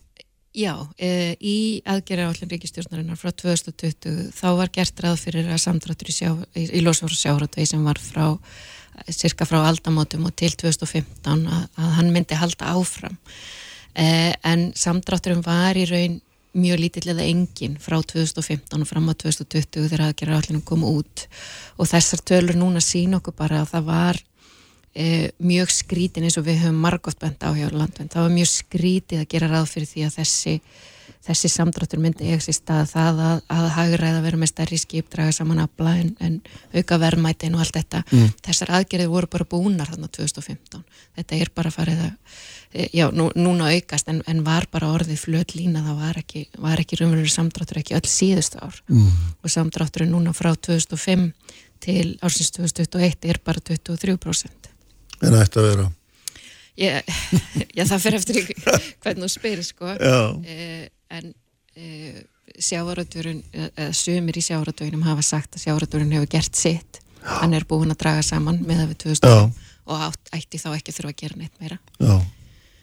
Eh, en þetta er rosalega stór losunarvaldur hjá okkur þannig að við verðum að setja gröfur á sjáratvegin eins, eins og aðra gera. Já, en hvað hva, svona þegar þú sér þegar við tölum með um þessa svona, þessa uh, hækkun á milli, milli árana 2020 og 2021 sko, hérna hva, hva, hvernig spilar þetta inn í þessa heildra mynd sem við erum að horfa á til þessara ára hérna 2030, 40, 50 þar sem við erum búin að setja okkur einhver töluleg markmið um að ná okkur um tilteknum árangri? Já, við erum alltaf að horfa á 12% samdrátt e, meða við 2005 sem er með, viðmiðunar árið e, í þeim samningum sem við hefum gert við Evrópusambandið. E, hins vegar er bara mjög stuttur tími eftir og við erum ekki að sjá neinn trend sem að benda til mm. þess að það sé að fara að verða þessi gríðarlegi samdráttur sem við erum búin að skuldbynda okkur til að, að standa í næstu 7,5 árið þannig að eh, ef að eh, ríkistjórnum kemur ekki fram með nýja aðgerra á allun mm. bara helst í gær eh, þá er mjög ólíklegt að við séum að fara að ná þessu. Og við sjáum sömu þróun á heimsvísu líka. Eh, COVID hafiði mjög lítil áhrif á losun með að við hvað allt fór hérna bara í virtist verið í hægagangan. En samt sem áður var, var samdrátturinn í losun mjög lítill. Og e, ríki heims hafa ekki gripið tækifærið sem að fólst í því að við þurftum að endurskipulegja samfélagi svona e, að einhverju leiti að, mm. að nýta það tækifæri til þess að byggja upp á grænan hátt aftur. Það var ekki gert og ekki gert hérna heldur. Nei, nú erum við með svona þetta, alls konar tölur á reiki og við erum með einhver landsmarkmið upp á 55% samdrátt með eitthvað x ár og svo er líka til eitthvað markmið upp á 40% og þetta er svona það er engin vand að setja sér setja tölur á blað það er, eða svona, það er hérna, sko, hvað, hvað er svona raunsætt mat, hvert erum við að fara? Eh, eins og er þá erum við við erum alltaf komin á fullt inn í alvarlegar og hættulega loslasbreytingar. Mm. Við sjáum það bara á hitabilgjunum og, og þurkonum sem hafa verið í sumar eh, flóðunum og, og, og jafnvel örskriðum eh, þannig að við sjáum að við erum, við erum sko, orðin of sein svo að segja við erum mm. orðin of sein til að afstýra þessum hættulegu loslasbreytingum en veist, við getum séð til þess að þær verði ekki verri heldur en þær eru. E, þetta þýðir mjög stórar breytingar þetta þýðir mjög stórar breytingar á öllum geirum samfélagsins sem við verðum að gripa til. Við höfum vitað þetta í 30 ár, valdhafar hafa vitað þetta í 30 ár en hafa kosið að gera ekki neitt og þeir hafa bröðist almenningi og þeir hafa bröðist fátakara fólki heimsins. Mm. eh, svona í mínu já, ég, ég get ekki séð að markmið Parísar samkominlag sem sé að fara nást meða við þann skort á aðgerðum sem að, sem að nú er augljós mm. bæði hérna á Íslandi og út í heimi mm. það eru náttúrulega nokkur lönd sem að standa sér ágætlega en heilt yfir er, lítur þetta eh, illa út. Eh, hvernig ríkistjórnin ætla sér að ná þessu markmiðum fyrir Ísland um 40% samdrátt eða 55% samdrátt þau hafa einfallega ekki sínt á spilin það eina sem við höfum í höndunum núna er aðgerra állinu frá 2020, 2020 mm. sem að dögir engan veginn til við höfum reiknað út að ef allt gengur mjög vel þá getur sá samdráttur sem fer, kemur frá þeim aðgerðum í besta falli orðið eitthvað staðar rétt rúmlega 20% og það er náttúrulega langt, langt ja, fyrir 2030 Já, og 2005 er alltaf viðmunar árið í þessum já. útreikningum ekki satt? Sem að glemir sér ekki í hérna öll þessu flóði sko. þannig, að, þannig að þið er að reikna það út að það sé mestalagi 20-30% sem við getum náð það fyrir 2000 og Já, réttur, réttur um 20% við reiknum um 22% e, fyrir 2030 e, sem er næsti stóri svona bautasteytnin á þessari leið, ekki satt? Já, já. E, og ef það á ekkert meira að koma til e, þá, þá verður það enþá minna heldur en 20% mm. samtráttur e, ESB hefur grafist þess að okkur formlega við draugum saman 29% til 2030 e, það var áður en að ESB hækkaði markmiðið sitt fyrir ESB hild e, upp í 55% samtrátt þannig að það verða öruglega gerðar frekari kröfur á okkur mm. við þurfum að draga meira saman fyrir 2030 en um 29%. En þessi tala 55% er nú eitthvað sem að hérna, fórsættisræður hefur margótt flaggað og reyndar margir aðri ráð þegar þetta ekki bara hún? að það sé okkar eigið, það sé, það, það sé markmið, landsmarkmið yfir það sem við sjálf getum stýrt ekki sagt, Já. en þú ert að lýsa fullkomnu fullkominu vantrú á sé Ég vil bara sjá það sé eitthvað gert, vil sjá raunverulegar aðgerðir. Og þegar að það eru gefnar út aðgerra áallinir sem að eru eh, sem að vantar mjög mikið að aðgerum í til dæmis eh, kom út skýsla um hvað þetta gera í sjávarútvegi. Eh, svo skýsla var, var full af eh, stöðuskýslum, greiningum aðtögunum, en það voru engar raunverulegar aðgerðir, það sama gildir að vissuleit fyrir byggingariðinaðin það, það er engar raunverulegar aðgerðir, þá er ekkert að gera varandi stóriðuna eh, sem að fellur endur ekki undir beina nei. Ísland sem er innan ETS-kerfisins en það eru þessi stóru losunda þættir það, þar sem á mjög lítið að bregðast við. Og einu aðgerðnar í, í vegasamgöngum þar sem er mikið losun hafa verið niðurgreisla á rafbílum en ekki komin gjöld á móti á, á mengandi bíla. E, þannig að það, það, það, það vantar svo rosalega mikið beinharðar aðgerðir að við raunverulega sínum í verki að við ætlum að fara að gera eitthvað.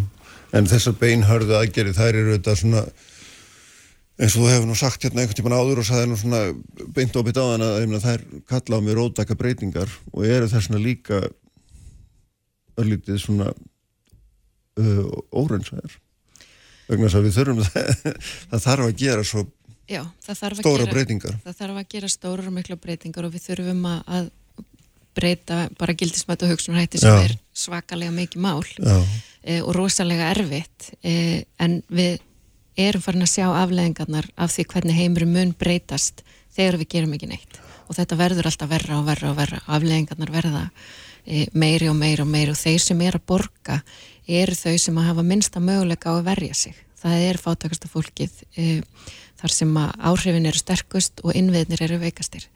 Og þetta er bara ekki samfélag svona heil, heildrænt á heimsvísu sem að við viljum sjá. Nei. við hérna á Íslandi getum auðvitað farið bara í aðlögun og, og hérna e, að því við erum meðsterka innvið, við erum mjög rík við getum brugðist vel við e, afleggingu og loslasbreytingar sem að við verðum náttúrulega að gera líka. E, en, en fátakara fólki getur ekki gert það Nei.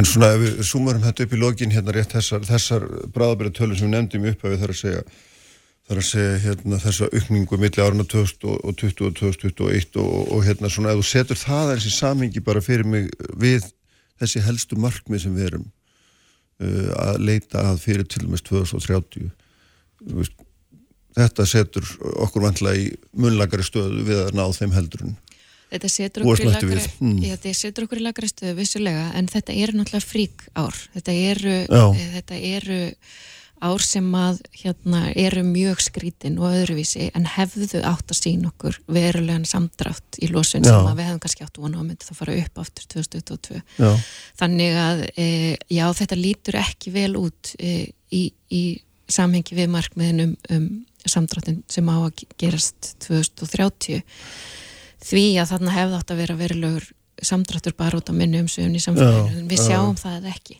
Nei, það er náttúrulega stórmerkild því að hér fór eins og nefndir áður bara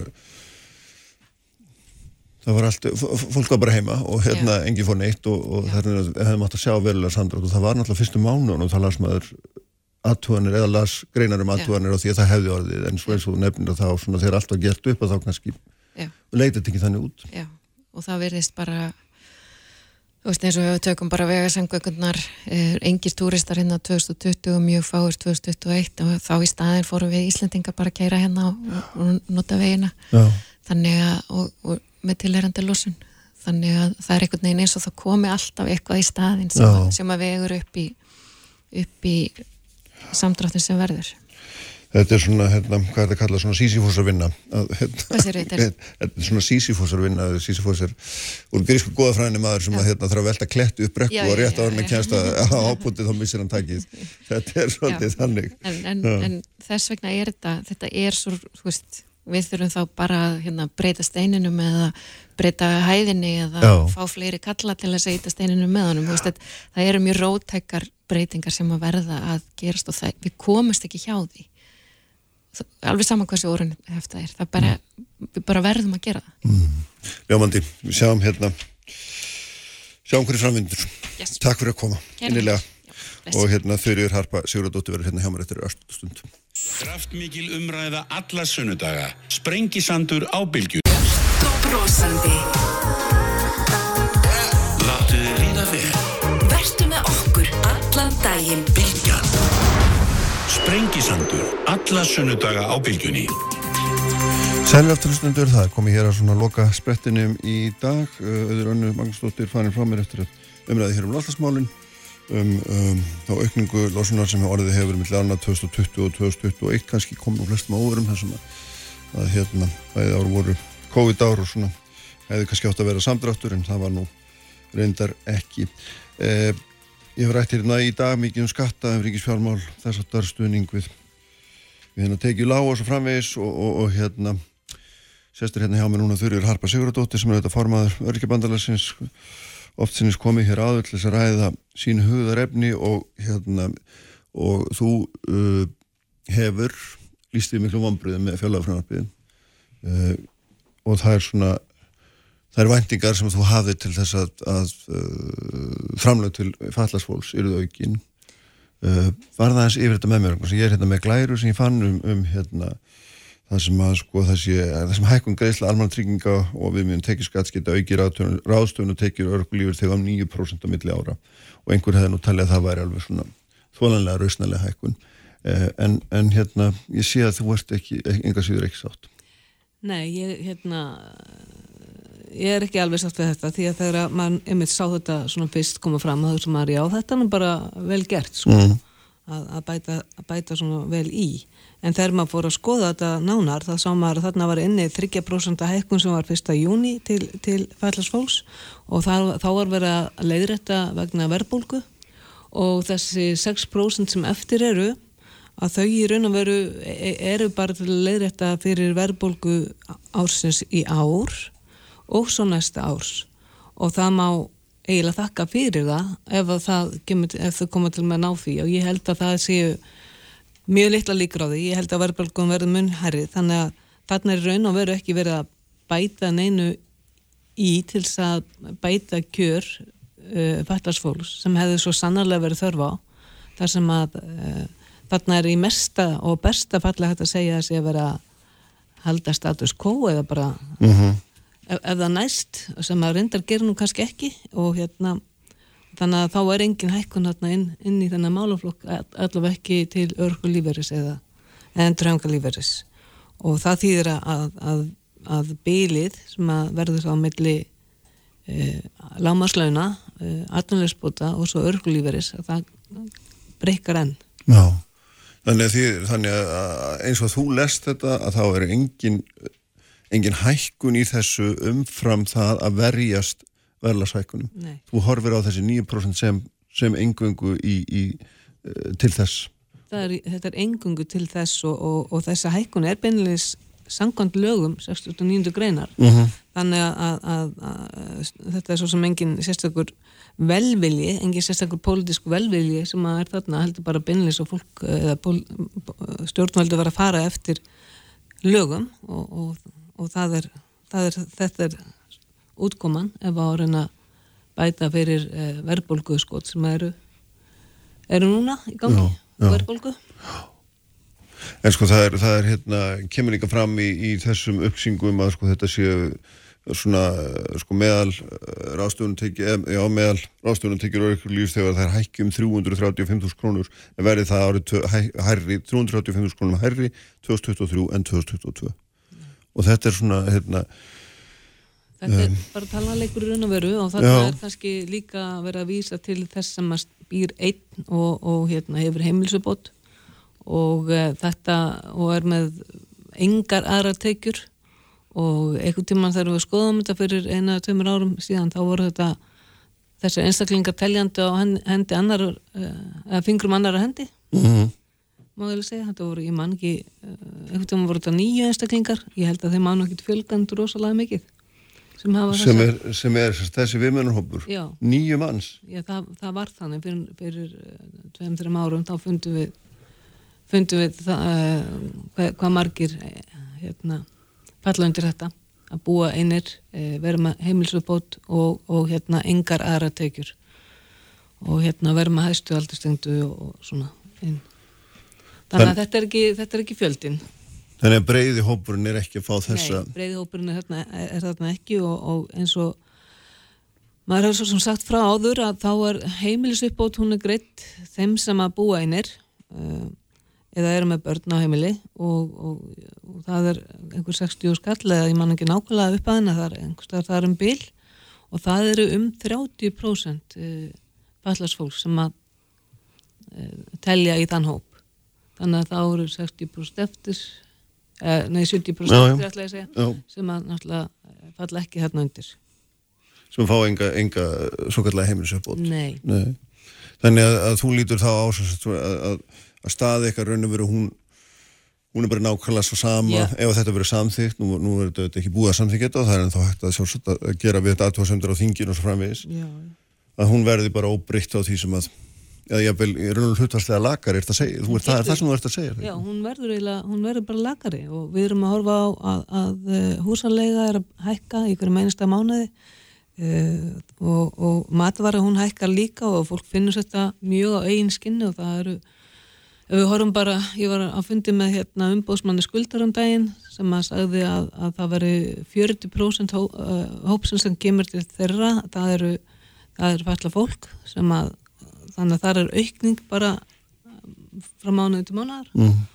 að þessi hópur hef, næri ekki endur saman þannig að þetta er það segir okkur bara að, að staðan er mjög alvarleg og hérna og það hefði þurft að það hefði þurft núna þegar menn eru eða þegar stjórnundi ætla sér að fara í heldar endurskoðun á almanna tryggingakerfinu með það að markmiði að fleira eh, eða falla fólk hafi að, aðgengi að atvinnu eh, þá hefði verið eh, mjög þart að sjá þessa vörðu koma inn eh, að það væri raunverulega að vera bæta hag fólks eh, að skerðingarnar eh, það var dreigð skerð, skerðingum eða ég þar voru bara teknar út eins og eh, Lilja Alfredsdóttir laði til hérna sumar. Já, það hefði liðkað fyrir eh, þannig að fólk hefði þá haft þeir sem að hafa tækifæri hefði farið út á vinnumarkaðin en, en með þessu er ekki verið að liðka uh, til fyrir neinu í þessu nýja hérna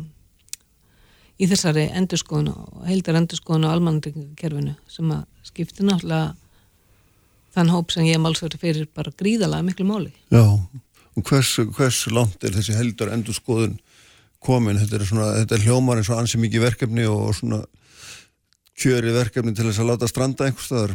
Já, ég, sko, ég hef nú trú á því að, að þetta getur nú list farsalega, þetta, þetta, þessi heldar endurskoðun og, og menn eru með, með, með svona vörður að, þarna inn að, að það þarf að breyta lögum og það verður gert núna næsta ári og síðan eigi að þetta, þetta nýja kerfi að vera komið á 2024 eða eitthvað slíkt ef allt gengur upp en það þarf náttúrulega margt að ganga upp og, og samfélagi verður að vera tilbúið að, hérna, að taka móti fölluð fólki í, í störf eh, því að margt, margt falla fólk er bara mjög vel mentað en hefur ekki tækifæri ávinni markaði af því að það vantar sveianlega störf, eh, hlutarstörf og ímislegt fleira.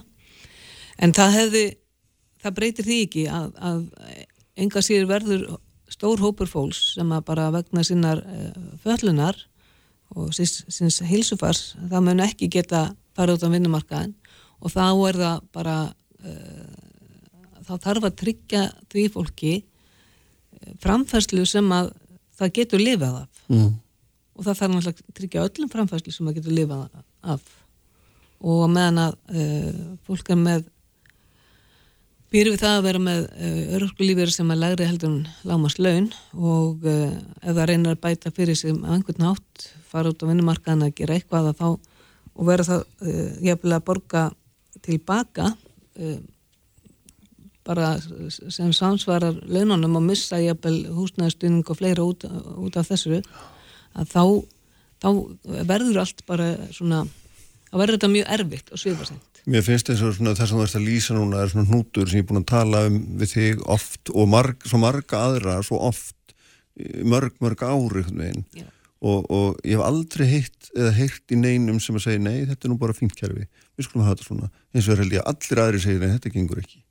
En samt þetta, já, já. Er þetta bara mjög svipað frá árið til árs? Já, já, og þetta er náttúrulega þetta bara þannig að það er eh, það, eh, fra- framfærsla eða, eða, eða, eða hvað á maður að segja, líferir eh, fallarsfólks er, er ákvarðaður inn á alþingi og það eru þingmenn og ráðherrar eh, sem taka ákvarðanur um það hvernig þessi hópur mm. lifir og, og hérna, þannig að þetta er mannana verk og, og það er gríðalega mikilvægt að fólk bara núna eh, þingmenn, stjórnvöld að, að menn stýji bara inn af einhverjum kjarki og, og, og hérna, bæti í því það er öruglega hérna, borð fyrir báru, mér sýnist að að Ríkisjóð standum bara nokkuð vel svona með Já, mann reykja sér að því allavega að, hérna, að það gangi betur en á alltaf var í það minnsta. Það er, það er alveg ljóst að það er hérna, það er að minnstu kosti hérna, þannig, en sko þetta, þessi endurskoðun, hérna, eitt af því sem að rauta veldur alltaf fyrir sér, að, að hvað miklu leiti hafið þið sjálf eða, eða ykkar fulltrúar ykkar talsmenn hérna aðkoma að þessu?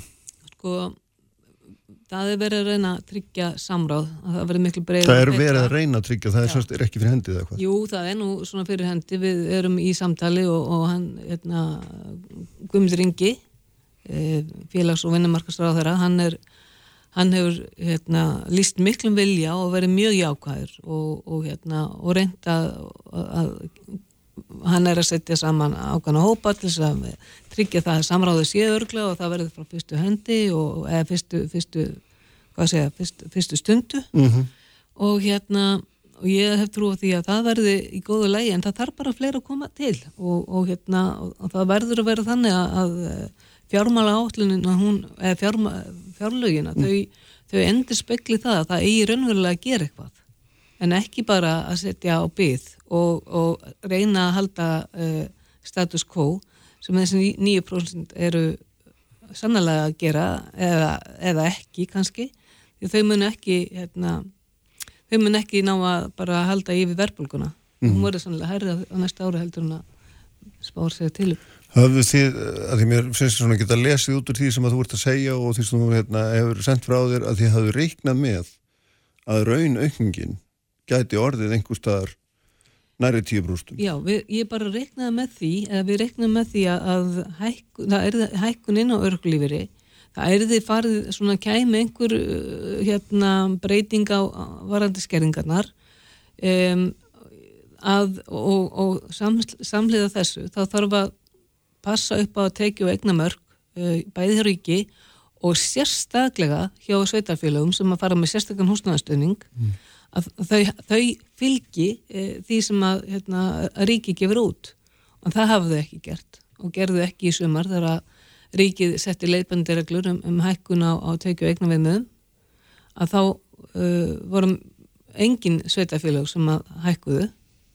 Uh, Reykjavík stendur sér best og, og hækkaði í februar en það eru mörg sveitafélag sem að hérna, hafa ekki breytt sínu viðmöðnareglum tekju, við, tekju eigna, síðan bara 2016 Hva, hvað þýðir það raun og veru Það fyrir? þýðir bara það að ef að, ef að til dæmis það er eitt sveitafélag sem er með eh, 256.000 krónur sem það mátt hafa á, mánuði um, hérna án þess að, að stuð, stuðningurinn skerðist. Ef þú ferð umfram það, þá missur húsnaðastuðningin sem sveitafélag uh, setja á, þetta er svona sérstakur húsnaðastuðningur Já, mhm. sem að er þá fyrir allara tekbílagstu hópin Já, en þegar tekið og eignamörk uh, hækka aldrei hjá sveitafélagum þá náttúrulega missir fólk hann stuðning. En þessi stuðningur á að vera til þess að einmitt að, að hérna, lifta því fólki sem verst, verst stendur. Og ég hérna við, þannig að það er einhver sem viða við það að þú hafi 256.000 krónur sem er langt, langt, langt fyrir neðan já, allt býr- velsæmi auðvitað en langt fyrir neðan öll viðmið sem við já, göngum út frá já, já. og það, þá, ertu, þá byrjar að skerðast já, það er svona það sveitafélag sem maður kannski er með leggst ef ég, ef mér telst Mhm. best til en, Já. en það vantar mikið upp á allstaðar Það er alveg greinlegt. Hvað er hérna, uh, rétt á hann ljúkum, hvað, hvað er á dagskrafið ykkur núna? Hvað, hvernig, hérna, hvernig breðist þið við þessu? Hvað, hvað er okkar svona, hvað getið þið gert?